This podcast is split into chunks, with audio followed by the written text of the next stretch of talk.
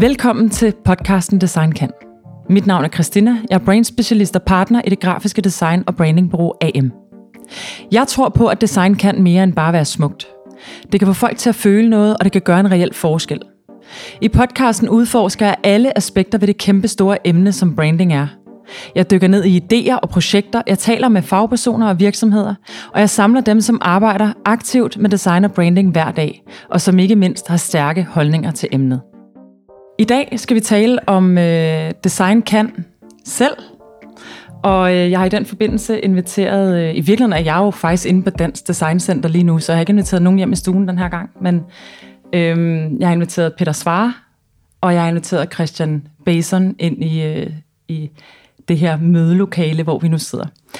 Vi skal som sagt tale om, at design kan alt. Øh, og det er kunstig intelligens, der er omdrejningspunktet. Og jeg kunne egentlig godt tænke mig bare at få en kort intro af hvad er jer. Hvad er det, I har med emnet at gøre, eller hvad er det, der, øh, hvor er det design ligesom øh, er en del af jeres hverdag? Peter, vil du starte?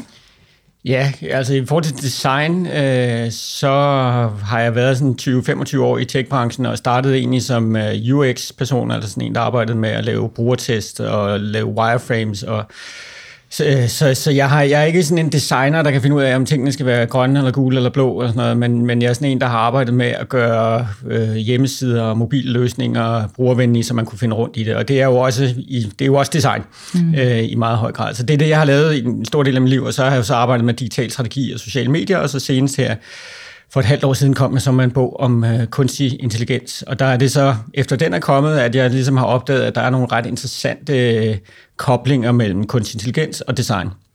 Hmm. Og Christian, direktør i Dansk Design Center, kan du give et par, øh, par ord om dig selv? Ja, så min baggrund er i virkeligheden fra, øh, fra statskundskab oprindeligt, og så skrev jeg en Ph.D. for nogle år siden om, om øh, design og ledelse. Um, og har været direktør her i fem år. Før da leder af et lille team i, øh, i staten, der hed Mindlab, som var vel første gang, man ansatte uh, uddannede designere internt i, uh, i ministerier, uh, hvor vi fokuserede på uh, at forstå uh, borgerne bedre, forstå brugerne, når man udvikler ny politik og ny, uh, laver ny service i, i, i det offentlige. Og det vi gør her i Dansk Design Center, som vi har gjort her på stedet i, i forskellige variationer, men alligevel i over 40 år, det er at uh, udbrede kendskabet til øh, godt design. Både hvordan design ser ud og virker, når det er skabt og er i markedet eller sat i sving i organisationer, men jo i virkeligheden lige så høj grad, og måske endda i højere grad, hvor kommer det fra? Altså, mm. hvad er det med metoder, med tænkning, med tilgange i designfeltet?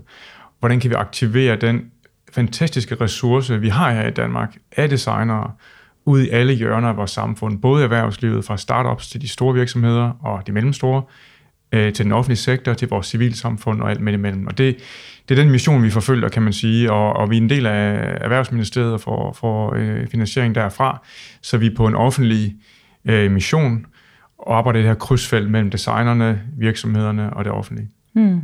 Okay. Nu siger, nu siger vi design kan selv. Hvad er, det, hvad er det, der sker med hele det her område, kunstig intelligens, også kaldt AI? Hvad er, øh, hvad, hvad er det for et felt, vi, eller vi øh, bevæger os ind i? Peter?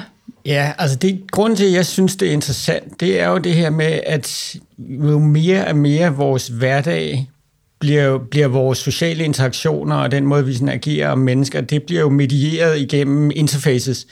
Øh, og, og altså, så i gamle dage, hvis man skulle møde nogle mennesker, så skulle man møde dem på, altså i, i real life, eller også skulle man ringe i en telefon til dem. I dag, der mødes vi via Facebook, vi mødes via Twitter, vi mødes via LinkedIn, og det gælder ikke bare sådan venner og bekendte, det er også forretningsforbindelser. Det er, sådan, altså, det er jo så, hele vores liv er jo i en eller anden grad medieret igennem nogle interfaces, og de her interfaces, de bliver skabt af designere.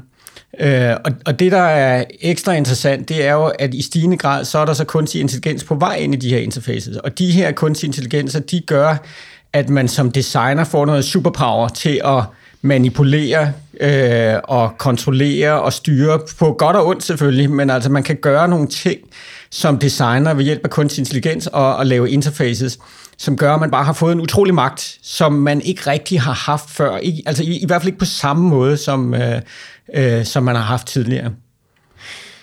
Jeg måske vil tilføje, at øh, når jeg har set på, på designfeltet og også sådan, øh, de sidste 100 års udvikling, så er det jo ikke noget nyt i, at designere har et ekstremt intimt samspil med teknologi. Sådan har det altid været. Og der er vel heller ikke noget nyt i egentlig, at designere har, har magt. De vil så ikke rigtig vedkende sig det, men, men magten til at formgive øh, de produkter og de tjenester, vi alle sammen forbruger. Øh, og det er jo en enorm magt, vi har set op igennem det 20. århundrede og også i vores tid. Men jeg er meget enig i, at, at øh, for det første kan man sige, at designere stadigvæk ikke helt har forstået, hvor meget magt de sådan set har. Og for det andet er den magt nu øh, vokset betydeligt, både i skala, altså man kan jo med meget få virkemidler nå ud til et, tusindtal eller milliontal øh, brugere mm. eller publikummer, med de interfaces, man designer, men også den hastighed, hvormed man kan gå fra idé til handling, er jo øget massivt, og det er jo det, som den skalerbarhed, kan man sige, er det, som, som startups, så de nu, de, der så er blevet til tech-giganter, de ligesom øh, trives med, men det er også der, hvor tingene kan gå grueligt galt i virkeligheden. Og jeg tænker, at, at den her drøftelse omkring etik AI og, og, og design, som, som Peter og jeg også har haft for nylig, handler jo meget om, at der påvirker lige pludselig designerne mm. og deres øh, nærmeste i organisationer for mm. eksempel et helt vildt ansvar og hvordan pokker forholder vi os til det? Altså, og det er jo interessant, fordi lige præcis nu, som Christian siger, vi havde en lille event på Tech Festival her i sidste uge, som handlede om det her, som også er grunden til, at vi sidder her i dag. Mm. Øhm, det er godt, du lige nævner det, Peter. ja, ja, ja. og, og, og, og der havde, for at tage mit job. Og der, og der havde vi lige præcis, vi havde lige præcis den der diskussion, det der, om, om det er nyt eller mm. ej.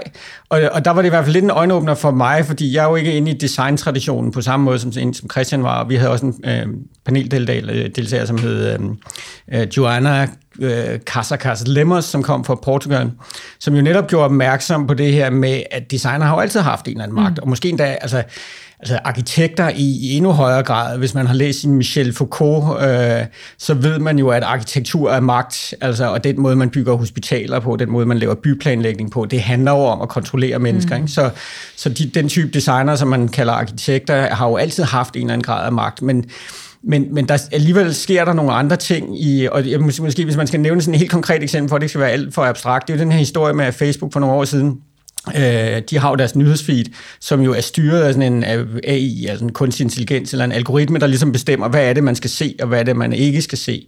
Og der var så nogle folk i Facebook, der tænkte, det kunne være meget interessant at lave et lille eksperiment med det her nyhedsfeed. Øh, så de lige skruede lidt på algoritmen, så de tog sådan en lille øh, kontrolgruppe på, altså et par, en lille kontrolgruppe på et par millioner mennesker, som de var sådan, nu, nu kører vi lige dem igennem en, en lidt anderledes algoritme, og den her lidt anderledes algoritme, den giver de her mennesker øh, nogle øh, opdateringer, som er lidt mere negative. Altså, så de lavede sådan en øh, mood, stemningsanalyse af opdateringerne. Så de her par millioner mennesker, de fik, fik noget, der var lidt mere negativt. Og det, de så gerne ville se, det var jo så, om de her mennesker så selv blev, altså om deres humør blev påvirket af det her. Ikke?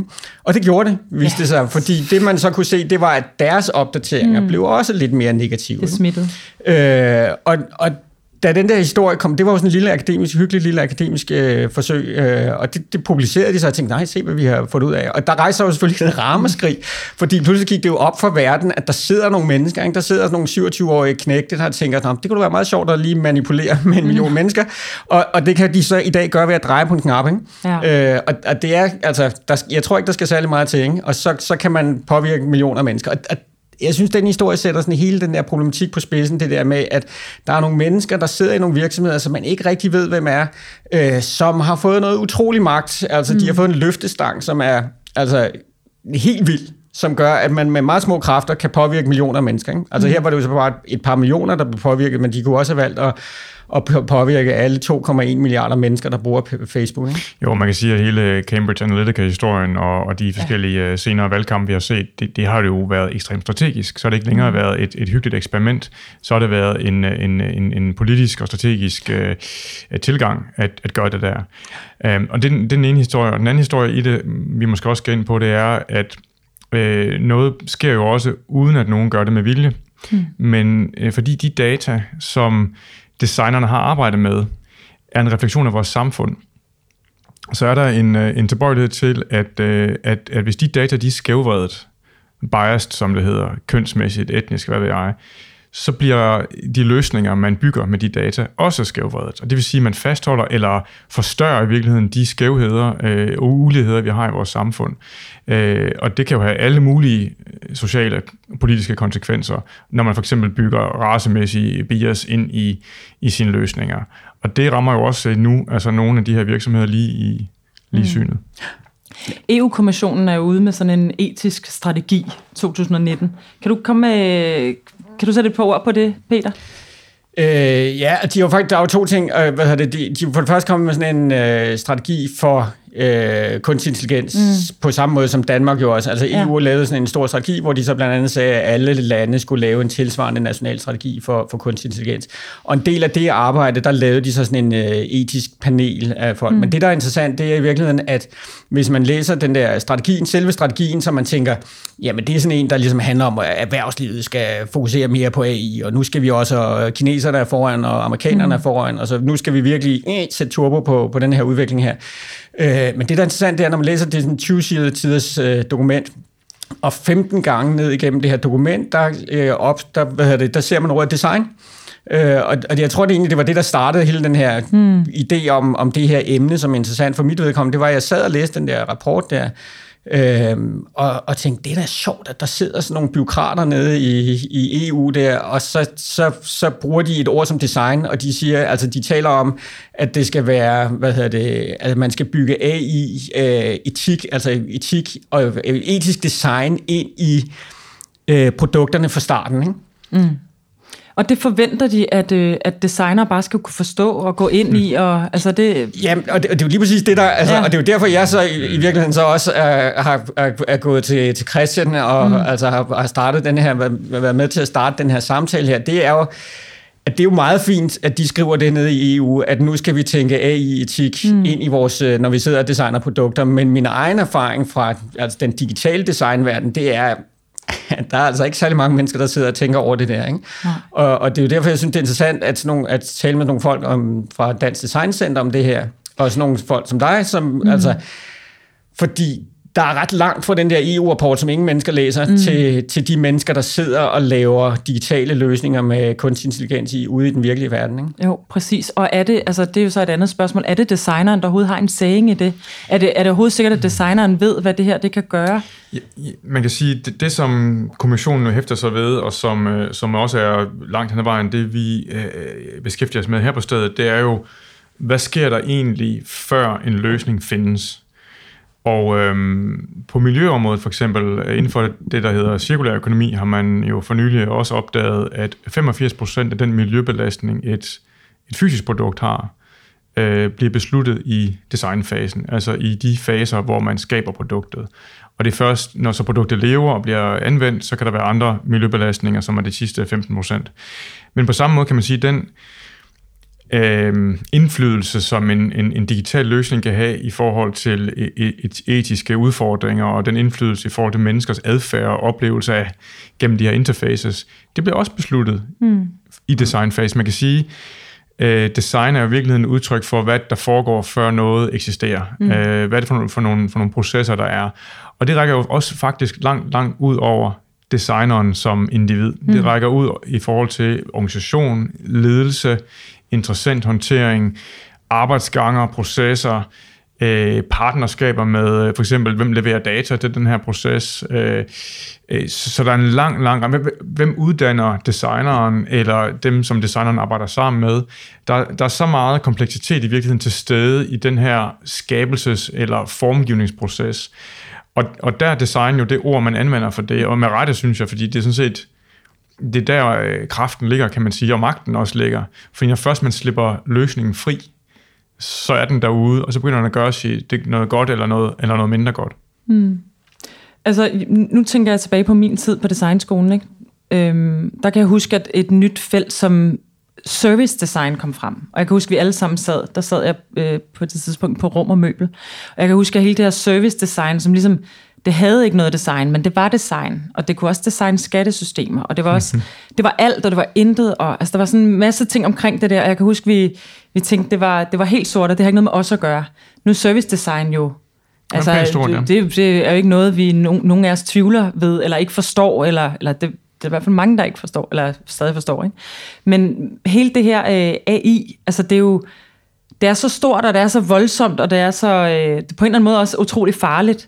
Tænker I, at det skal, på, altså det skal være et fag i sig selv, eller tænker I, at det skal være øh, noget, alle ligesom får ind helt fra barnsbenen i folkeskolen, som handler om etik? Og, altså, hvor, er det, hvor er det, vi skal sætte ind her? Fordi det virker som om, at det er noget, der kan fagne meget, meget større, end, end nogle andre begreber har kunnet tidligere.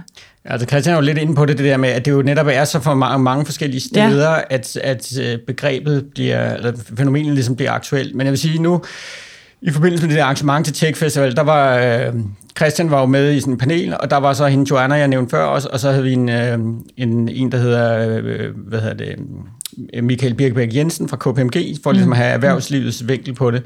Øh, og jeg lavede en lille survey til paneldeltagerne der, hvor jeg spurgte dem sådan, jamen, hvad er det, hvad er det vigtigste ting at gøre? Jeg tror, at de alle tre sagde uddannelsesinstitutioner. Ja. Og til selve Tech Festival arrangementet, der var der også en bred diskussion omkring, hvad, hvor det var vigtigt at sætte ind. Og der var det også uddannelsesinstitutioner, der mm. ligesom blev, blev nævnt igen og igen. Så, så der er jo ingen tvivl om, der er ingen tvivl om, at, at fra mit perspektiv, jamen så vil, vil man kunne gøre rigtig meget, hvis man fik skabt en eller anden grad af etisk bevidsthed. Nu jeg, jeg er selv barn af to journalister, Øh, og, og det journalistfaget er jo sådan et fag, hvor der, som jo traditionelt set, historisk set, i hvert fald i min forældres tidsalder, havde sådan en ret høj grad af etik, og, og det var jo noget, man underviste i på, på, øh, på journalisthøjskolen. Jeg har også selv læst journalistik i, på, på Columbia i, i USA, og, og hvad hedder det, der var også etik på faget. Ikke? Altså det var, sådan, mm. altså det, var, det, det var et meget stort øh, fag inden for, for journalistikken, fordi det er sådan noget, der ligger, der ligger på journalister på scenen. Ikke? Og, og, og der har jeg ikke indtryk af, at det er helt det samme på, i hvert fald ikke på alle designskoler rundt omkring i Danmark. Ikke? Men altså, når det så er sagt, så skal man jo også passe på med at sige, okay, nu giver vi så designer en eller anden etisk bevidsthed, og så slipper vi dem ud i det polariserende øh, erhvervsliv, hvor de så bliver sat til at lave løsninger, hvor der jo så er alle mulige profitinteresser, og politiske interesser, og magtinteresser, og, og, og så, så kan den der etiske bevidsthed jo meget hurtigt gå fløjten, hvis, hvis man ikke har noget at hænge den op på. Ikke? Mm. Altså, kan du ikke gå til din fagforening, hvis, altså, hvis der er en eller anden konkret sag, hvor du sidder, hvis din arbejdsgiver har bedt dig om at lave et eller andet, du tænker, det her, det, det, jeg kan huske fra designskolen, jeg kan huske, at jeg, jeg lærte, at det her, det er bare uetisk. Ikke? Mm. Altså nu er jeg i gang med at lave et eller andet, hvor jeg manipulerer en million øh, brugere til, at de tror, at de får den rigtige pris på et produkt, men det gør de i virkeligheden ikke. Sådan, uh, mm. Et eller andet. Ikke? Og så sidder de og laver det her, og tænker, der er noget galt her. Ikke? Uh, hvis de ikke kan gå nogen steder hen med mm. det, uh, hvis de ikke kan gå til deres fagforening, eller hvis de ikke kan gå til deres kolleger, eller hvis de ikke, altså, jamen så er de meget alene i den der situation. Ikke? Ja. Jeg, jeg, tror, jeg tror helt sikkert, at uddannelsessystemet skal gøre noget, og det gælder jo også lidt den der almindelige dannelse, fordi man kan sige, at etik er jo ikke nødvendigvis blot noget, der skal være et fag på nogle bestemte retninger, men det er noget, som i virkeligheden, det, det, det et bredt dannet menneske mm. øh, på en eller anden måde at have med sig. Ikke? Jeg, jeg, jeg husker på et tidspunkt, at øh, jeg tror det var øh, tidligere præsident Obama, der sagde, at en af de vigtigste ting i livet er jo dybest set at læse skønlitteratur, fordi det er der, du lærer alle de her ting i virkeligheden. Ikke? Mm. Øh, men, men den er jo selvfølgelig svært at dosere øh, officielt i et eller andet uddannelsessystem i, i, i, øh, i, i forhold til nogle bestemte retninger, men, men, men er bare også noget, vi skal huske på måske. Jeg, jeg tror, der er en bevægelse lige nu, hvor det bliver enormt svært at være øh, en succesfuld virksomhed, eller en virksomhed, der kan tiltrække talent, eller en virksomhed, som kan, kan, kan trives, hvis ikke man øh, arbejder meget bevidst og systematisk med samfundsansvar, med det, som for tiden hedder ordentlighed, det er også mm. noget med ikke at være så korrupt igen, øh, eller arbejde etisk. Og, og, og den bevægelse kan man jo så tænke er, er positiv, fordi øh, jeg tror, vi har været haft en Wild West, øh, bogstaveligt talt, situation de sidste 10-15 år, hvor det med at bevæge sig hurtigt og slå ting i stykker, det har været sådan et, et mantra og også en adfærd, øh, som, som har været øh, cool og også været succesfuld langt hen ad vejen. Men øh, senest nu med øh, udpegelsen af Margrethe Vestager til ikke alene øh, hvad hedder det, konkurrencekommissær, men også øh, digital kommissær, der bliver de to ting jo faktisk koblet. Mm. Og man siger, at fremtidens øh, konkurrence i det digitale rum skal jo så følge nogle spilleregler. Og, øh, og nu har Europa jo øh, lanceret noget, som også blev talt om i, på Tech Festival, nemlig øh, GDPR, mm. som er det her direktiv omkring øh, dataanvendelse og sikkerhed, som måske er en lille smule byråkratisk og, og, og, og lidt nørdet, men måske i virkeligheden er noget af nøglen til de her ting. Altså, mm. vi er simpelthen nødt til at lave nogle spilleregler, og noget af det skal bages ind i lovgivning, andre ting bliver noget kodex, noget Vi har talt, at Peter har lanceret ideen om hippokratisk ed, ligesom øh, lægeløftet. Ikke? Altså, vi, vi skal have nogle, nogle, nogle, øh, nogle standarder, vi, vi lever op til. Og jeg tror, vi kommer til at se en dag, hvor hvis ikke man lever op til nogle standarder, enten frivilligt eller fordi loven siger det, så kan man simpelthen ikke drive en, øh, en, en, en virksomhed, i, i, i, i hvert fald ikke i vores samfund. Kan du ikke lige nævne, kan du ikke lige beskrive The Pledge? Eller pledge, som øh, jeg i hvert fald skrev under på lige ja. efter Tech-festivalen. Kan ikke bare lige få nogle ord på den? Ja, altså det er jo, Tech-festivalen er jo, øh, er jo sådan en festival, altså teknologifestival eller teknologikonference, som er lidt anderledes end de fleste andre teknologikonferencer rundt. De fleste teknologikonferencer er jo sådan nogle øh, hippie-happy, teknologien er fantastisk, nu skal I se alle de fede gadgets, der er kommet på banen, og alle de nye ting, vi kan lave, og her kommer nogle virksomheder, der fortæller, hvad vi kan og sådan noget. Ikke? Og sådan har teknologikonferencer jo været de sidste 20 år.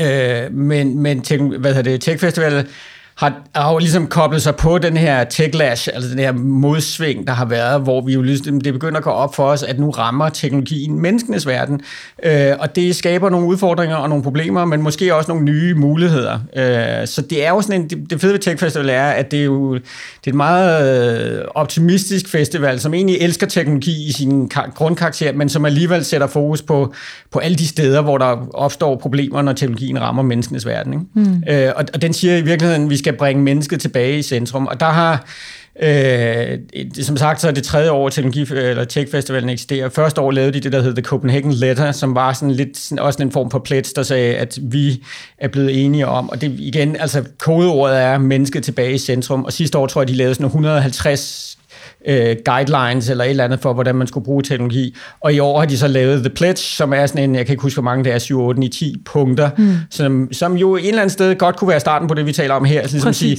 mm. Når man sidder og designer en løsning, øh, hvad er det så for nogle ting, man skal huske på? Mm. Øh, og, og den er meget god lige at læse igennem, øh, og så kan man så lave et pledge, som siger, jeg, jeg, jeg går ind for det her, og det kan man dele med sine omgivelser osv. Mm. Men øh, altså, det man kan sige med The Pledge er, at det er stadigvæk på, på sådan lidt højt plan, mm. hvor jeg sad i hvert fald og tænkte, jeg prøvede sådan at lakmustesten lidt på, hvis du nu sidder med et konkret projekt, så den hjælper dig stadigvæk ikke med at Altså det, det, det er stadig svært, hvis du sidder med, med, med et eller andet projekt, hvor din arbejdsgiver siger, at du skal lave det her, du skal ja. lave det her interface her, øh, fordi det skal vi bare gøre.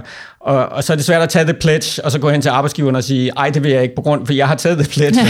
altså, der, der, der er lige et stykke vej ja. endnu, ikke? Mm. Øh, som jo en læge kan gøre med den hippokratiske ja. ed, eller hvad hedder det, Altså en, en læge, der kommer for sent på arbejde, og arbejdsgiveren så siger, at du bliver fyret, du kommer for sent igen, og lægen mm. så siger, nej, men det var fordi, at der lå en mand, der var ved at dø på gaden. Ikke? Jamen, mm. så bliver han ikke fyret, fordi han har taget den hippokratiske ed. Ikke? Mm. Altså, øh, så, så ja, det, jeg synes, det er super fedt, det her pledge, men det er stadigvæk, altså, der er stadigvæk et stykke vej til, at det bliver en, en, et værktøj til ligesom at løse nogle af de her problemer. Men interessant er jo, øh, og det drøfter vi også i, øh, øh, i fredags, at der er jo simpelthen designer øh, og, og teknologer, som udvandrer øh, fra deres virksomheder, som nægter at løse visse opgaver, og øh, ved håndsoprækning var der jo en par stykker i rummet øh, forleden, som, som sagde, at det har de faktisk prøvet at gøre. Mm. Ja, altså, jeg spurgte, jeg spurgte ud i lokalet, er der nogen her, der nogensinde har sagt, der var omkring ja, lidt over 100 mennesker i lokalet måske, ikke?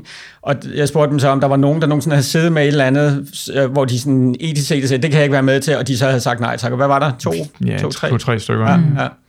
Men det sker, ja. og man kan sige, jeg tror måske, det sker i større større, større grad. Jeg tror, mm. det bliver sådan en større bevidsthed, og, og, øh, og det er som om, at de forretningsmodeller, som nogle, nogle af de her virksomheder har bygget sig store på, de er jo har nærmest, kan man sige, indbygget en lille smule øh, evil. Altså, der er et eller andet ved dem, som gør, at de kan ikke slippe den der forretning igen. De er jo drevet af at skabe mere og mere klik, mere og mere brugeradfærd i deres øh, respektive øh, miljøer. Og, og derfor sige, så tror jeg egentlig, at, at spændingen mellem øh, forretningen på den ene side, i så de største skalerbare giganter der, ikke? og så etikken, eller medarbejderne simpelthen, altså, kan jeg være med til det her? Mm. De spændinger bliver bare større og større og større lige nu. Altså, det ja. gør de virkelig. Ja. Men er det, altså jeg vil også sige nu, så, så sent som det her til Tech Festivalen, hvor man jo møder en masse mennesker, der møder en eller anden, der arbejder i sådan en, den branche, der handler om at samle data ude på internettet. Det, det er sådan en virksomhed, der samler rigtig mange data. Øh, og så stod vi sådan og snakkede, og nå, man havde også sådan en, fået sådan en forretningsidé, som gik ud på, at man kunne samle en masse data, og så kunne man jo opbygge nogle profiler på folk.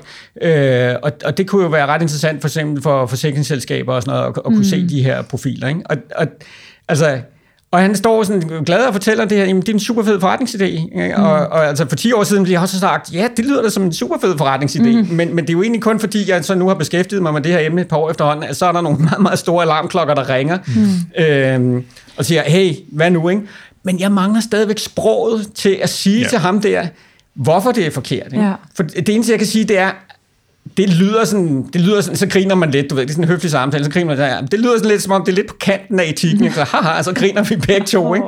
Altså, det, det, Han forstår ikke helt, hvad du mener. Nej, nej, nej, præcis, præcis, ikke? fordi altså, det handler om at tjene nogle penge. Ja. Altså, ja. Og, og det, jeg har jo også oplevet det med en anden historie af sådan en startup øh, virksomhed, som jeg, jeg rådgav på et tidspunkt, som, som var sådan, prøvet sådan at finde sin vej i forskellige forretningsmodeller, og vi var ikke sikre på, sådan, hvad, hvad det præcis det var, vi skulle lave. Og en af de idéer, der så kom op, det, de arbejdede med lokationsteknologi. Øh, og en af de, noget af det, de har fundet ud af, det er, at der er sådan, at man kan købe noget teknologi, hvor man kan via mobiltelefonen, så kan man se, hvordan folk kører bil. Og det er jo sådan noget AI på en eller anden mm. måde, som på grundlag af sådan noget opbremsninger og accelerationer og sådan noget, så kan de analysere måske, ja, siger de i hvert fald, om folk er gode eller dårlige til at køre bil. Ikke? Mm. Og de data, de kunne være rigtig interessant for et forsikringsselskab, så man kunne lave en eller anden app, som, som folk brugte, fordi den kunne give dem adgang til forskellige ting. Og så hvis de var gode chauffører, så ville de også få billigere forsikring. Og det er jo også et super fedt produkt. Ja. Eller hvad? Ja. Altså, og det var igen den præcis. der, hvor jeg sagde, der var sådan den der alarmklokke, der ja. ringede. Og, men du ved, det var jo en virksomhed, der betalte mig penge for at være konsulent og rådgiver ja. for dem, så hvordan siger man nej? Ja. Det der, det kan vi ikke, fordi det er uetisk. Ikke? Altså, ja. der er ikke nogen steder, jeg kan gå... Altså, jeg kan ikke gå til min fagforening. Øh, jeg kan ikke gå til Tjøf og sige, hey, hvad er det etiske nej. regelsæt for det her, som gør, at jeg skal sige nej nu? Eller gå til politiet, hvis det, mm. altså, hvis det er så galt. Ikke? Eller, altså, hvor pokker går jeg hen? Ikke? At det ender altid med den der sådan lidt, man griner lidt høfligt. Ja. og så håber man bare på, at øh, man ikke kommer til at lave det produkt alligevel. Ikke? Ja. Ja, så kan man sige, at lige nu i øh, Kina, der er det jo stort set det, man, ja, det, det man gør. Ikke? Og jeg, jeg tror i virkeligheden, at de her år, og det er også der, der er virkelig nogle spændinger, ikke? Ja. fordi det handler jo meget om, hvad for et samfund vil man leve i. Mm. Øh, fordi svaret på det, du beskriver der, kunne jo godt være at sige, jamen vi laver bare transparens. Ja. Transparens kunne være et af kravene, og hvis kunden ved, at man bliver overvåget, og giver sin data, og der, er jo, der har været eksperimenter med det jo i Danmark, mm. øh, så får man lavere forsikring, mm. og nogen vælger såkaldt frivilligt det. Men, men er vi, vil vi være et samfund, der har den slags forretningsmodeller, og hvor man en gang i fremtiden måske ikke vil kunne vælge? Mm. Øh, og så er det bare således, at vi har vendt os til, at selvfølgelig bliver jeg overvåget, og hvis jeg kører for hurtigt øh, i, i svingene, så betaler jeg 500 kroner mere om året i forsikring. Ikke? Og, og jeg tror faktisk, det er noget af det farligste, også i forhold til uddannelse, det er, at om vi, om, vi, om vi egentlig har sådan en refleksion og en kritik og, og, nogle, og nogle grundlæggende spørgsmål om, hvad, hvad er det for et samfund, vi vil have? Mm. Fordi på en eller anden måde, så uh, jeg kan også sige, jeg har jo børn i den der alder, hvor de uh, har klistret en telefon til hånden det hele tiden, at det bliver bare sådan, det er. Mm. Det er bare sådan, det er. Og der var en gang, hvor vi andre kunne øh, hvad ved jeg, gå, gå i brusebad eller noget andet, og ikke være bekymret for, hvem der tager mm. billeder af det, og hvor det ender henad. Og i dag, altså der er så meget, der bliver lagret ned i vores nærmest underbevidsthed, mm. at sådan er verden bare. Men, men jeg vil sige, nu har jeg været i branchen, i designbranchen i snart 20 år, ikke? Så jeg lige at regne ud. Det er faktisk lang tid, synes jeg. Og øh, det er lang, den, det er lang den gang, jeg startede på designskolen, der var der slet ikke alle de her bekymringer. Altså, det, jeg ved, det kan godt være, der men, var men det, det men jeg kan ikke huske det. Fordi jeg vil sige... Ja, ja jamen, det er det, men, men jeg, jeg kan mærke nu, efter bare i de år, jeg har haft, øh, eller vi har arbejdet med AM her, ikke? Mm. Altså, øhm, bare, bare i de år er vores de ting, vi skal forholde os til, blevet større og større. Altså, der er helt GDPR, der er, der er også hele klimaproblem- klima, ja, klimaproblematikken med bæredygtighed, ja. der er SDG-målene, mm, mm, der er hele mm. den her uh, sunde digitale vaner, der er hele mm, det her AI. Mm, altså, der er så mange ting, vi skal forholde os til. Ja. Og inde på vores bureau taler vi meget om, at vi, det er meget svært som bureau at sige, det her, det gør vi, og det her, det gør vi ikke. Mm. Altså, fordi der, der, den der grænse er så svær, så det er noget med at spørge folk, individuelt, altså nu er der den her opgave, hvad, altså simpelthen tage diskussionen ja. i plenum, vil vi gerne lave endnu et altså lave identitet til endnu et Kina-produkt. Ja. Vil vi ja, gerne det? Eller vil vi gerne, altså, fordi der er, jo, der er jo så mange vinkler på det, vi skal forholde os til som designer. Jeg voksede op i et konsulentfirma, eller da jeg var færdig med universitetet, som, som øh, hed Rambøl, og der havde man øh, allerede dengang noget med, at man for eksempel ikke arbejdede for, øh, for militærformål. Mm. Altså man havde simpelthen lavet hele forsvarsindustrien ligge, og det, det gjorde lidt ondt, for man var sådan en skandinavisk virksomhed, og der var egentlig, der er ret mange penge i forsvarsindustrien. Mm. Øh, og, og det var jo, som du også siger, altså det var sådan et ret enkelt valg, mm. men nu bliver valgene bare langt flere. Du har ikke engang nævnt uh, MeToo, der kunne også være ah, et eller andet ja, ja, der front, ikke? den havde jeg glemt. Og, men det man så kan sige er, at, at igen, altså designer har jo altid øh, haft et betydeligt ansvar for de valg, der blev truffet om, apropos, mm. altså masseproduktion, miljøbelastning, øh, legetøj. Altså, øh, der er så mange ting, man i virkeligheden Men er det er ligesom om, vi er endt i en knude lige nu, Ja, ikke? og fordi, altså, det, fordi der kommer lag på lag på lag, ikke? Og, og nu er det ikke bare et spørgsmål om, om den der plastik er farlig eller ej. Ikke? Nu, nu er det alle de ting, du lige har nævnt, og sikkert flere. Øh, så hvordan pokker navigerer man i det? Og, og, og det, det tænker jeg også, jeg, jeg, jeg kan ikke lige se præcis, hvad vejen frem er. Men jeg tror sådan set, det kunne være... Øh, det, det, jeg tror, der skal en samtale til. Altså det var den samtale, vi egentlig startede, synes jeg, eller Peter indledte i fredags og inviterede os andre med i, og som jeg tror skal fortsætte, som er en kritisk reflekteret samtale mm. om, hvordan navigerer vi det her landskab, som ingen af os egentlig har prøvet før. Øh, og nu siger jeg også, fordi jeg, jeg er ikke selv designer, men, men, men, men, men der er jo øh, politiske aktører, økonomiske aktører, erhvervsmæssige, der er, der er faget, der er individerne, øh, der er nogle globale aktører, så på den eller anden måde skal man nok have en samtale jo, hvor alle er ved bordet. Altså, vi talte også om i fredag, så det her, det handler jo om øh, det, som på engelsk hedder, hedder governance. Altså, det handler om, hvordan er det, vi sætter spilleregler for et felt. Og nu om dage er det ikke således, at man kan sige, at det må det offentlige fikse. Altså det kan også være, at svaret var, jamen det må da ministeriet for et eller andet mm. jo komme og Det er lovgivning. For lovgive mm. om, ikke?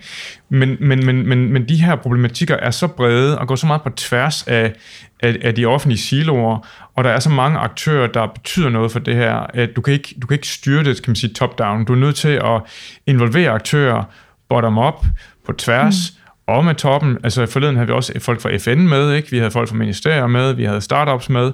Så du har det der kryds, krydsfelt, du skal have i spil, og så skal vi til at have de her samtaler, og så skal vi måske gøre, som designer vil gøre, som vil være at bygge nogle prototyper. Mm.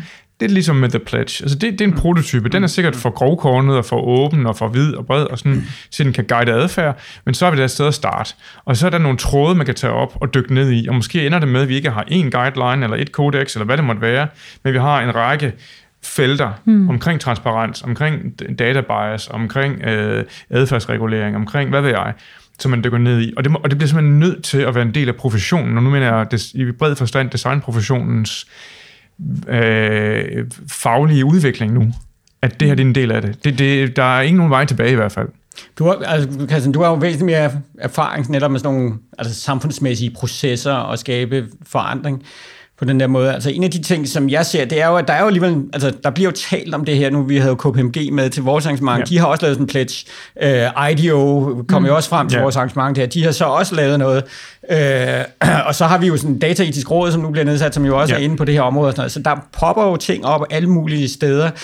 Øh, altså, kan man, altså, ja, der er jo egentlig, hvad, spørgsmålet er jo egentlig det der, kan der være for meget sådan noget, kan det blive for kaotisk, eller er det bare ja. godt? Altså, er det godt, at der er sådan noget der, og så, så, så koagulerer det ligesom ind i en eller anden form for... Jeg tror, jeg tror lige nu, øh, er det jo nogle reaktioner på det, vi ser, ikke? og mm. de, de ting, vi taler om nu, som, som gør, at der er rigtig, rigtig mange steder parallelt, det griber fat fra EU-kommissionen. Vi har mm. selv en tech-ambassadør, som også mm. øh, gør et stykke arbejde der. Vi har øh, øh en regering, der gør nogle ting.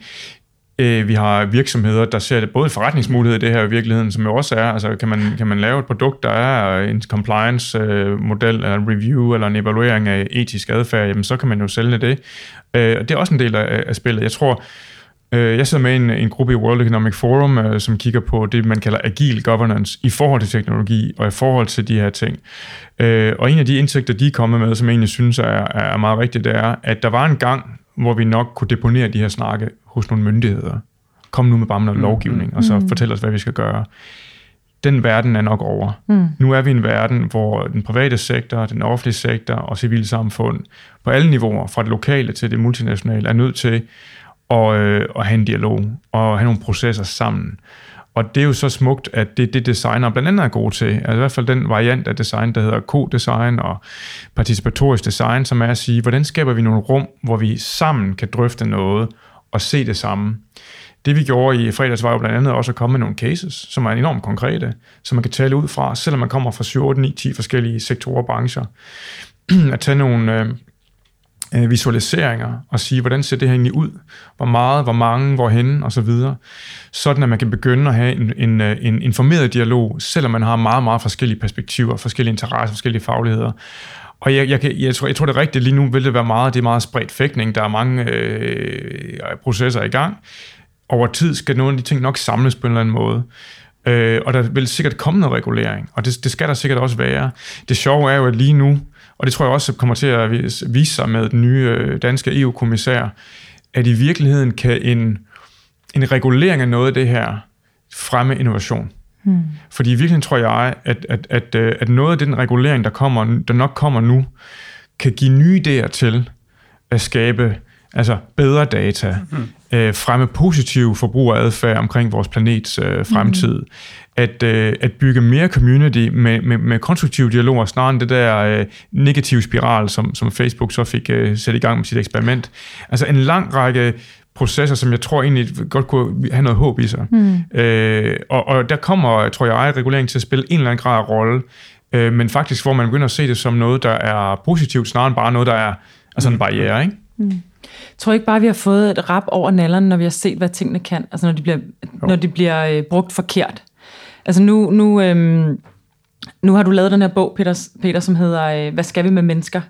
Og øh, sådan op til vores øh, snak i dag, har jeg gået sådan og tænkt over, hvad, hvad, ja, hvad er det, der sker, når AI kommer og tager over, og robotterne ejer det hele? Og, altså der er det jo endnu mere vigtigt end nogensinde, øh, at designer designer. Fordi det er jo faktisk ja. den der uh, design thinking, som måske nok aldrig kan tages over af AI. Øh, mm. Giver jeg mig ret i det? Altså, det, det, det, er ligesom, det er jo faktisk, det er jo, ja. Altså, jeg, jeg, jeg, jeg burde jo lige have taget min, en af mine egne bøger med, fordi jeg har skrevet en, der hedder Form Fremtiden. Uh, og man kan sige, uh, på den ene side har vi jo paradoxet, uh, er det robotterne, AI, intelligensen, der tager over, og, og der er en bestemt fremtid for os, som er sådan uh, singulariteten, der venter ude i horisonten. Og det synes jeg jo egentlig, vi har været i en tidsperiode, hvor, hvor vi alle sammen er blevet sådan lullet ind i en forestilling om, at der er en bestemt teknologisk fremtid. Mm. Og det er jo et en, som meget tager udgangspunkt i, hvad der foregår i Silicon Valley. Ikke? Og i form fremtiden, også i en ny bog, jeg er ved at skrive på, der synes jeg egentlig, at forestillingen om designeren som det skabende, kreative menneske, det intuitive menneske med fantasi og forskningsevne, som faktisk har lov til og kan forestille sig vidt forskellige fremtider. Radikalt anderledes fremtider, end dem, man lige mm. kan fremskrive med en eller anden øh, ekstrapolering øh, øh, ud fra nogle teknologiske trends. Det, det, er jo, det er jo sådan set det, vi nok er på vej lidt tilbage mm. til. Man kan også sige, at der kan godt være noget lidt frisættende i, at minde os selv om, øh, at mennesket har, har handlekraft, fantasi, forskningsevne, og, og, og slippe det løs. Og man kan så sige, at når vi så forestiller os de andre fremtider, så kan det jo meget vel være, at der er teknologi i dem. Det er der sikkert. Og der er sikkert også måske noget... Forhåbentlig. Kunstig intelligens. Ja, præcis. Hvad det skulle ellers gøre uden, ja. ikke? Der, der, så har vi det rart med ild og øh, værktøjer og den slags og ting. Det, det, har hjulpet, og jul har hjulpet os en del mm. gennem historien. Men, men, men det er noget med at, at se teknologien i vores tjeneste. Mm. Og det er også det, som ligger i The Pledge, og ligger i Tech Festival, mm. og ligger hele den ånd. Mm. I virkeligheden er det jo sådan set ikke en teknologifestival, det er faktisk en designfestival. Forstået mm. på den måde, at det at bringe øh, magten og handlekraften og, øh, og, øh, og øh, drivkraften tilbage til os, øh, os mennesker i, i bredeste forstand. Hmm. Altså, altså en af de ting, jeg, jeg er jo en af de ting, jeg skriver om i min bog, er jo det der historiske skift, der skete inden for forskning i kunstig intelligens, hvor i 70'erne og 80'erne, der var det jo, øh, hvad hedder det, det var også det, man kaldte ekspertsystemer, hvor man byggede kunstig intelligens, hvor man i virkeligheden, ideen var, at man, man kiggede på mennesker, og så forestillede man sig, hvordan mennesker tænkte logisk, og så hævde man de der logikker og, og viden ud af menneskers hoveder, og så byggede man systemer på, på grund af det der. Øh, og så det, det var sådan ret aktiv, øh, der var en ret aktiv designfase, som jo egentlig minder meget om, hvordan man designer digitale løsninger i, i dag og sådan noget også. Øh, og så sker der jo så et skift her i begyndelsen af det her årtusind til, til det, som vi ser i dag, som jo er maskinlæring, som jo har mange navne, neurale netværk og øh, reinforcement learning og alt muligt forskellige andet, men, men hvor paradigmet er, nu tager vi bare en masse data, og så propper vi dem ind i de her maskiner, og så bliver de kloge. Øh, og, og der er sådan i den der filosofi Øh, og det er jo også det, som Tech Festivalen på en eller anden måde er et oprør mod. Men i den filosofi, der ligger lidt i maskinlæring, der er der en eller anden idé om, at maskinerne bliver kloge af sig selv.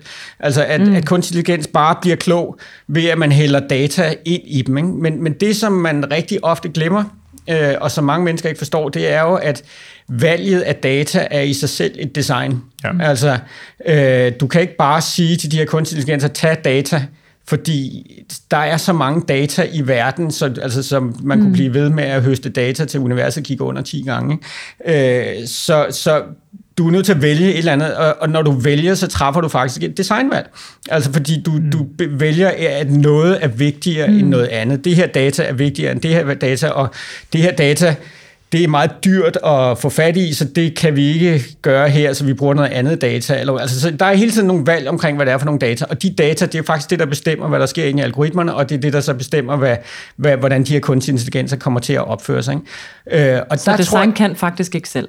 Nej, det er lige præcis det, der er pointen. Det kan nemlig ikke Nej. selv. Og, og, det, og, det, og jeg tror måske, at det er også inde i, i noget, kernen af noget af det her, at, at jeg tror måske, at at vi bliver nemt besnæret af singularisterne og teknologideterministerne, de her mennesker, som ligesom tror på, at teknologien kan selv, ikke? Mm. at designet kan selv. Og, og så, så lader vi det bare køre og siger, at det er ikke vores ansvar. Mm. Fordi det er, jo, det er jo maskinerne, der ligesom... Altså Facebooks algoritme, om det er jo bare Facebooks algoritme. Øh, nej, det er ikke. Der er nogle mennesker, der har truffet nogle valg der, ikke? Mm. Øh, og, og der tror jeg måske... Og der er også noget, der kan stoppes igen. Ja, altså. ja, ja altså selvfølgelig, når du har designet mm. noget, kan du også undesigne det på ja. en eller anden måde. Ikke? Men, men altså, jeg tror, pointen er, og der tror jeg, at det, som der er mange designer, der ikke helt har forstået, at, at det her er også design. Hmm. Altså, og der bliver truffet nogle designvalg. Og det er jo, altså problemet er jo selvfølgelig, at de folk, der sidder og træffer de der designvalg, de er jo PhD'er i matematik og statistik. Så det er ikke nogen folk, der har gået Nej. på designskolen. Måske ikke super meget li- og, verdenslitteratur jo, et, øh, nej, og, de, og forstå de dilemmaer, der ligger nej, i det. Ikke? det er den anden ting. Og så kan man også sige, som, som, som jeg sagde for lidt tid siden, at, at de data, som vi omgiver os med i verden, er udtryk for, hvordan vi opfører os i vores verden herunder øh, kønsubalance, lønubalance, øh, geografiske skævheder, etnisk øh, hvad hedder det, undertrykkelse, hvad ved jeg. Og de bliver jo reproduceret mm. en til en, og måske endda skaleret i, af de her algoritmer, men mindre vi kritisk bevidst går ind og tager nogle valg omkring netop Øh, hvad er det for nogle data? Hvordan øh, finder vi en anden balance i dem? Hvad, hvad er gode øh, outcomes? Altså, hvad er gode øh, resultater af det, vi vil skabe her? Øh, snarere end blot, hvad der måske vil være øh, kortsigtet profitabelt eller, eller spændende. Ikke? Så, så på den måde, det er også derfor, at når EU-kommissionen kan skrive design 15 gange i deres øh, strategipapir, så er det jo fordi, det handler egentlig om den det, jeg vil lige vil sige, det hedder nærmest fortanke. Ikke? Mm. Det er ikke omtanke, men fortanke. Altså, hvad tænker vi før mm. noget findes? Og, og der er, skal vi jo simpelthen bare skærpe vores bevidsthed om, al den tænkning, der foregår, inden noget findes, apropos designtænkning, mm. og alle de valg, der bliver truffet. Øh, og de skal jo bare være meget mere bevidste, end de er i dag. Fordi der, der foregår så meget, og så kan jo nogen rejse op bagefter og sige, jamen vi vidste det ikke. Mm. Det var det, Facebook sagde en to-tre år efter øh, Cambridge dybest set. Vi var ikke klar over, hvad vi gjorde. Vi, vi er bare et softwarefirma. Eller Uber siger, vi, vi er også bare et softwarefirma. Vi har ikke noget med taxaer eller øh, transportlinjer at gøre. Øh, og det er, ikke, øh, det er ikke vores skyld, hvis der er for meget øh, trængsel i byerne på grund af alle de her biler, der kører rundt osv. Ikke? Altså det, det der fraskrivelse af ansvar, øh, vi laver bare kode, det, det er slut nu. Altså det, mm. det, kan man ikke, det kan man ikke blive ved med. Det er jo dejligt. Så hvad, øhm, hvad er jeres, hvad, hvad er jeres øh, håb, eller hvad er jeres forslag? Hvad skal der ske nu? Altså, der er jo, det er jo et kæmpe stort spørgsmål, men I sidder ligesom øh, hver jeres øh, øh, ende af den, kan man sige, ikke? Ja, jeg sad, faktisk, jeg sad faktisk og tænkte på et spørgsmål, som jeg ville have stillet til jer ja. to, som er det, fordi altså, du er jo designer, Stina, og du arbejder, du er chef for Dansk Design Center. Det der, altså fordi, jeg kan godt lide det der, altså der er jo der er i hvert fald tre professioner, der er sikkert også flere, ikke? Der, er, der er advokater, der er læger, og der er journalister som alle er sådan nogle, der har etiske kodex, mm. og, og nogle er sådan mere bundet op på lov, advokater er sådan måske mere bundet op på lovgivning og sådan hardcore regulering, man kan blive smidt ud af advokatsamfundet, hvis man ikke opfører sig ordentligt, og journalisterne har, der er jo også medieansvarsloven og sådan noget, så det er jo lidt, som du også snakker om før, mm. Christian, det der med, at det er jo ikke bare ren etisk kodex, det hænger også ofte sammen med noget regulering, og de ja. spiller ligesom sammen. Men, men hvis man spørger nogen, altså hvis man spørger jer to, hvad tænker, hvad, hvad, hvis man, kunne man gøre noget tilsvarende for designer? Mm. Altså kunne designer være ligesom journalister, jurister, eller ligesom advokater, eller ligesom læger? Altså kunne, man, kunne de op, eller, eller er designer mere frie fugle? Altså sådan nogen, der bare vil have lov til at bestemme selv? Altså jeg, jeg synes, det er en kæmpe udfordring, fordi at jeg simpelthen ikke ved, hvad man skal hugge eller stikke i. Altså det her emne er så utroligt bredt, og design er i sig selv så utroligt bredt, så hvor, hvor pokker skal man starte? Altså men hvordan skal man kunne lave et kodex for mm. en branche, mm. som er så bred, så vi ikke engang kender enden på det. Det handler om at forme, altså at tænke mm. noget, inden ja. det er skabt, siger ja, du, ikke? Præcis. Og du siger selv, jeg er ikke designer, men du er jo lige så meget designer, fordi du bruger design thinking hver dag, Christian, ikke? Øhm, så, så nej, jeg tror faktisk ikke, der er noget, der er så enkelt. Og jeg tror, jeg tror øh, tilbage til det der med, simpelthen bare opføre sig ordentligt, altså være et ordentligt menneske, og gøre sig umage, og tænke tingene til enden. Altså jeg tror, vi er helt tilbage til sådan nogle grundlæggende menneskelige værdier. Øhm, om det kan blive et kodex, eller et eller andet for designer, det ved jeg, det ved jeg ikke. Altså, det, det har jeg simpelthen svært ved at se. Jeg, jeg, jeg tror, der er i hvert fald en bevidstgørelse, øh, igen, ikke, ikke nødvendigvis kun netop om, om øh, individer, designere, også fordi, som du meget rigtigt siger, så, så øh, er der rigtig, rigtig mange, der beskæftiger sig med design, som ikke nødvendigvis ser sig selv som designer, ja. men som faktisk er det. Vi har lavet en undersøgelse i, øh, på tværs af Danmark, der viser, at øh, der er omkring 50.000 mennesker i Danmark, som beskæftiger sig øh, professionelt med design. To tredjedel af dem har en universitets- eller lignende grad, som, som, som er en designuddannelse i en eller anden forstand, mm. men dog ikke kun fra de to øh, klassiske skoler, men fra andre også. Og en tredjedel er simpelthen noget, de har lært. Det er heller ikke nogen beskyttet titel. Det er ikke en beskyttet titel, og, men der er stadigvæk nogen, som man sige, praktisere professionelt design arbejde i, i en grad, hvor man kan sige, det, det er simpelthen mm. designer, og det, øh, det kan vi i hvert fald se i, i de data, vi har, vi har hentet. Ikke? Øhm, jeg tror i virkeligheden, at, at der, hvor man skal rette fokus, er på øh, designaktivitet. Ikke? Altså, det, det, designere gennemfører designaktiviteter, men det gør de jo sammen med andre. De mm. gør det sammen med ledere, de gør det sammen med ingeniører, specialister, de gør det sammen med øh, data scientists, øh, rigtig, rigtig mange andre. Og jeg tror i virkeligheden, det er at sætte fokus på, når man skaber, når man designer, i de, i de processer, så øh, lige vil sige, altså din pointe med, altså don't do stupid shit. Mm. Altså for det første, opfør dig ordentligt. Mm. Vær bevidst om ordentlighed. Og så kan vi godt folde det ud, og jeg tror, vi skal folde ud. Jeg tror, mm. vi skal arbejde, og jeg tror, vi skal have dialogen i gang. Og det, mm. sådan en, mm. bare sådan en samtale som i dag, og den i fredags og andre, er jo med til at starte dialogerne og det skal involvere rigtig mange andre. Ja. Fordi, fordi det kan ikke blive, hvis det bare bliver en såkaldt professionsdialog, i øvrigt for en profession, som ikke engang er særlig veldefineret, og er mm. meget flydende, og er egentlig bredere, end, end de fleste er opmærksomme på, så bliver det simpelthen øh, øh for diffust. Altså jeg tror, vi er nødt til at, at have, have en samtale, som handler om alle de aktører, som har et medansvar, når vi skaber noget. Og man kan jo starte med at sige, når vi skaber noget ind i, en, ind i en teknologiske verden, men det gælder jo faktisk også, apropos FN's verdensmål, det gælder det sådan set det. i forhold til alt, hvad vi går og skaber øh, i det her samfund. Men en ting, hvad hedder det, øhm, altså det, nogle gange kan det jo godt blive lidt abstrakt, nogle diskussioner her. Det, der er alle mulige forskellige mennesker, der skal gøre noget, og det er i hvert fald ikke en selv. Så jeg sidder og tænker, hvis man som sidder og er, er designer, eller identificerer som, sig selv mm. som designer, ikke, som man udvikler produkter, eller mm.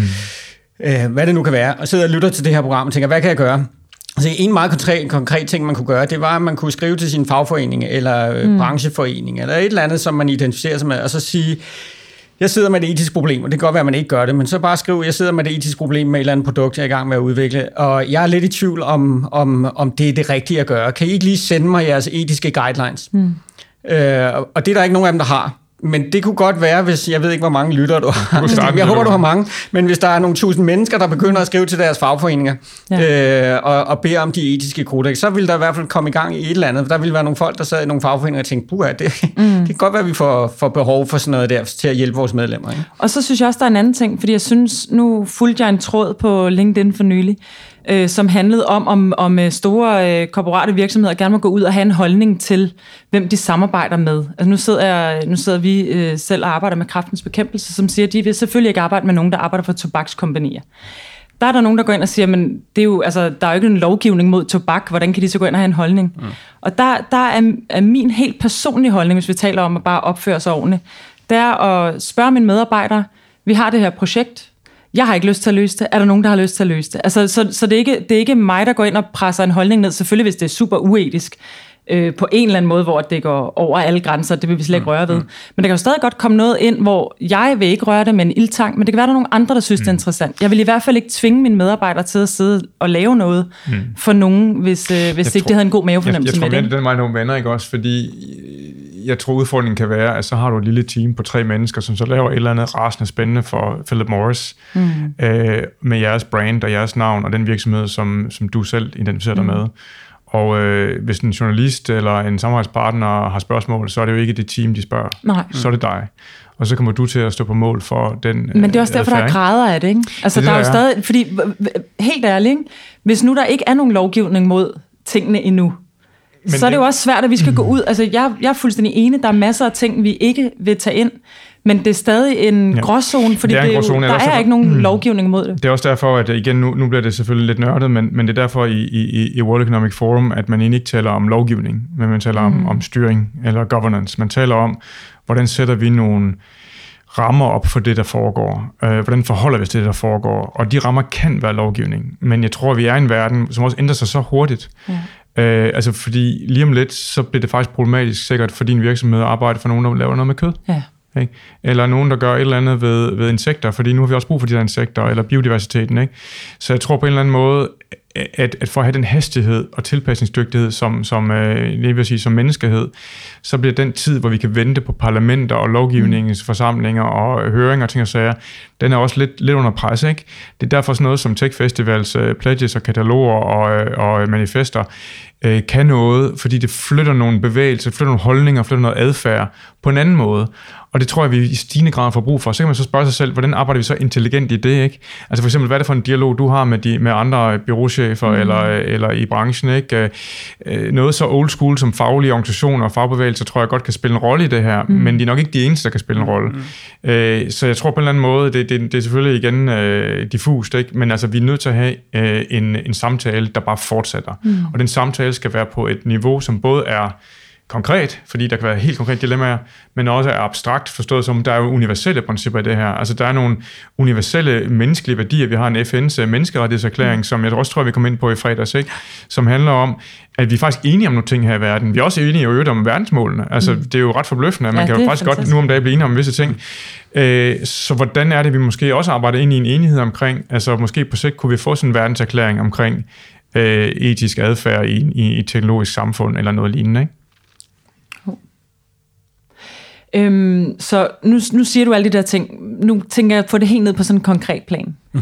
Som bureau, øh, der sidder og laver øh, UX, eller sidder med nye produkter, og nu siger Peter det der med at øh, skrive til din fagforening. Hvad, har du, hvad tænker du?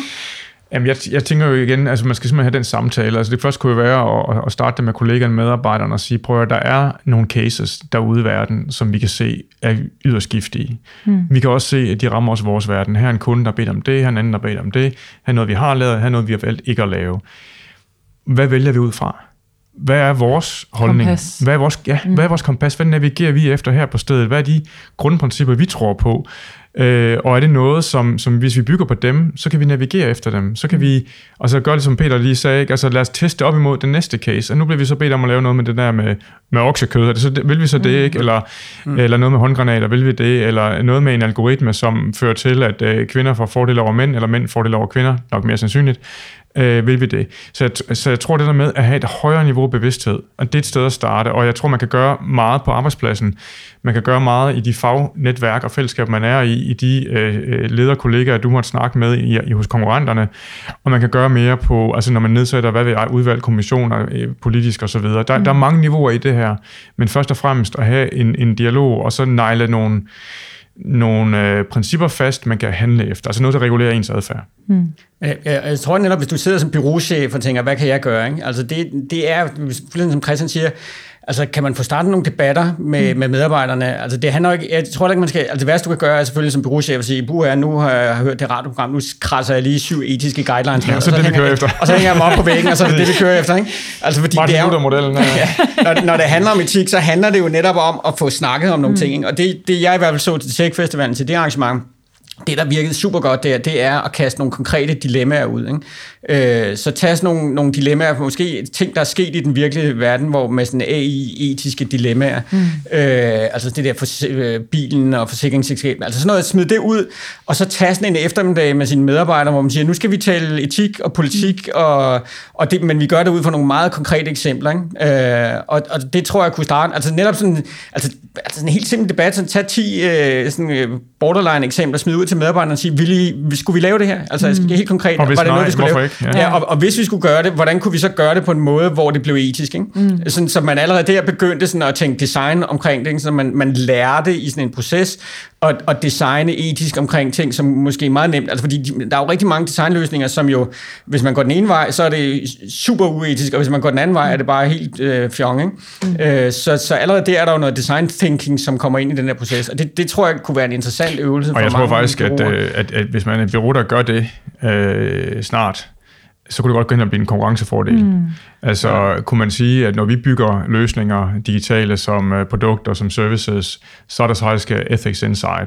Altså vi har simpelthen indbygget etiske overvejelser ud fra nogle grundprincipper. Der er sikkert også nogle kunder, der lige vender om. Jeg tror, der lige kunne snart de når jeg, til jeg, jeg tror, der kunne være nogle kunder, som, som sagde, hold nu op mand, hvis vi bliver kendt for at arbejde sammen med det her bureau, mm. så ved vores samarbejdspartnere, så ved vores kunder, at så er der med stempel og garanti øh, tænkt over de her ting. Øh, der er jo ikke ret mange i dag, som kan tillade sig ikke at forholde sig til verdensmålene. Mm. Altså det, det, det er ved at være lidt af en hygiejnefaktor, at, at man skal kunne i hvert fald tale sin forretning ind i, ind i det i en eller anden grad mere eller mindre. På samme måde tror jeg, at vi kommer til at se en verden, hvor, hvor man skal kunne redegøre for sine etiske overvejelser. Der var engang noget, der hed CSR, ikke? det var dengang mm. noget med virksomhedens sociale ansvar der er jo ingen virksomhed med respekt for sig selv, der ikke har en eller anden grad af kodex, og det er til et punkt, hvor folk, altså de har whistleblower-ordninger, og der er jo ting, man ikke gør. Altså det er sådan, igen, det er hygiejnefaktor, men der er man bestikker ikke folk over i Rusland for at få solgt sine produkter. Gør man det før eller siden, så falder hammeren. Det gør den også herhjemme, trods alt. På samme måde, jeg tror, at det, det bliver en, øh, en, øh, en konkurrencefaktor. Det bliver, og, og, og i Danmark og Norden, som er kendt for højt, trods alt lav korruption, høj tillid, øh, fornuftig nok værdi omkring bæredygtighed og sådan noget der, det kunne jo være endnu en, en parameter, vi er kendt for at sige, men altså hvis det er designet i Danmark eller designet i Norden, så ved vi, at så er der indbagt nogle, nogle, nogle etiske mm. mm. overvejelser. Noget kan komme af vores regulering, noget kommer simpelthen, fordi man måske som, som bureau er i stand til at artikulere det. Jeg tror sådan set ikke, man vender nogen kunder i døren. Ikke nu om dagen. Altså, hvem har lyst til at ende med sådan en, øh, en, en, en, en, en, en, en, en, en Jamen, jeg tænker mere, de kunder, der kommer med de opgaver, der ikke er særlig etiske. Jamen, dem kommer de til at jo, men dem bliver også færre af. Altså, det kommer til at være færre den slags kunder, fordi det kommer ikke til at være den måde, man kan drive forretning på længere. det er fantastisk. Ja, det er det, og det, er, det, og det, er, jo, det er jo ikke i morgen, men det er inden for en overskuelig mm. fremtid. Ja. ja, og så tror jeg at måske, der kan være kunder, der kommer med en meget uetisk idé, som kan tweakes en lille ja. smule, som så kan være. ende med faktisk at blive, være meget fornuftig. Ikke? Ja. Og så er man sådan set en god rådgiver. Præcis. Vi har meget, meget kort tid tilbage, men jeg kunne godt tænke mig at høre jer begge to bare, hvad nu, det positive, hvad, hvad kommer der til at ske? Hvis vi siger, at design kan selv, som det ikke helt kan, mm. men hvad er, det, hvad er drømmen om de næste fem år? Det går stærkt. Hvad tænker du, Peter? Hvad tænker du, det her skal bruges til? Jamen, kunstig intelligens. Jamen, altså, jeg ser jo kunstig intelligens som jo altså, en fuldstændig utrolig teknologi, som kan rigtig mange ting, ikke? og som, som jo altså for blandt andet jo kan sørge for, at en masse mennesker ikke skal sidde og lave en masse kedelige arbejde. Ikke? Og, og at nogle mennesker, får til, altså nogle mennesker, som ikke tidligere har haft tilgang til nogle produkter, altså for eksempel bankrådgivning på højt plan, der, altså det er jo sådan noget, som kun rige mennesker har haft adgang til før i tiden. Mm. Og det, det, der kan man, den type rådgivning kan man måske sætte kunstig intelligens til at lave, så alle mennesker kan få super god bankrådgivning. Ikke? Så der, altså, øh, i den yderste konsekvens og brugt på den rigtige måde, så er kunstig intelligens jo demokratiserende og, og altså kan, kan udbrede bedre teknologi og en bedre, skabe en bedre verden for en masse mennesker. Ikke? Men, men den har altså en, kunstig intelligens har en flipside, ja. som, og, og der skal ikke meget til, før at kunstig intelligens bliver et, et, magt, et magtredskab, fordi det er så stærkt. Altså kunstig intelligens, en af de ting, det er rigtig stærkt til, er jo at se mønstre, og, og menneskers hjerner fungerer jo sådan i mønstre, og vi, hvis vi agerer på en måde den samme dag, så agerer vi lidt på samme måde næste dag. Øh, og, og det kan de der kunstig intelligenser forudse, og den der evne til at forudse, hvad mennesker har tænkt sig at gøre i fremtiden, det giver en utrolig magt, som meget, meget nemt kan, kan misbruges. Ikke? Hvis jeg skulle tage den positive vinkel, så tænker jeg noget, som vi ikke har snakket om endnu, som er, at kunstig intelligens kan jo også være designerens partner i den kreative proces. Mm. Allerede i dag er det jo sådan, at både arkitekter og, og, og designere øh, arbejder sammen med algoritmer i deres grafiske programmer i, øh, til at og, og, og gøre let, arbejdet lettere, men også måske øh, kunne også udfordre en virkelig kreativt projekt. Så det at tænke i, at øh, designeren får øh, øh, et nyt sæt værktøjer, et nyt, en, en ny partner, kan man sige, øh, hvor menneske og maskine kan noget sammen, men ikke kunne alene. Det gælder også i forhold til 3D-print og nye produktionsteknologier, at man får simpelthen mere mulighed for at udfolde sit kreative talenter. På samme måde kan man sige, kan man udvide sin, sin kreative tænkning, og selvfølgelig også løse noget af det kedelige, men også måske noget af det kreative, ved at samarbejde med en kunstig intelligens i sit kreative arbejde, i sit designarbejde. Det, det tænker jeg, det, det er enormt fascinerende og spændende, og noget vi vel ikke har rigtig få fået ud endnu. Mm. Så der kunne være en, uh, noget sjovt at lege med. Der er en god, en god pointe der. Altså, det, er jo, det, er jo, og det er jo ikke så meget anderledes end, end den industrialisering for 150 Præcis. år siden. For, for 150 år siden, hvis man skulle løfte et eller andet tungt, så kunne man løfte max, hvis man var virkelig stærk, måske 60-70 kilo. Ikke? I dag har folk fået en gaffeltruk, og så kan de løfte ja. 10 ton eller sådan noget. Ikke? Og, det, og, og der er mange designer, der er glade for InDesign. Ikke? Ja, nu kan så få InDesign med, med klogskab eller kreativitet indbygget også. Ikke? Og ikke for, at de skal overtage det, vi gør, men, men det kan være et samspil, der kan ja. gøre nogle ting. Men, men jeg tror, en af udfordringerne er, at der er nogle designer, der, der synes, det er lidt snyd. Altså, Ja. at maskiner Ja. kan ikke være kreative, og det er lidt snyd, hvis jeg bruger dem til kreativt arbejde. Og jeg tror, at de designer skal passe, passe ret meget på, Ja. ikke? og de skal i virkeligheden se det meget mere som den der gaffeltruck. Ikke? At, at, at, Giver dem superpower. at det Design giver dem, det superpower. er præcis, de bliver, altså det er noget superpower, man Ja. får. Ikke? Lad det være ordene. Tak for det. Selv Selv tak. tak. Tak.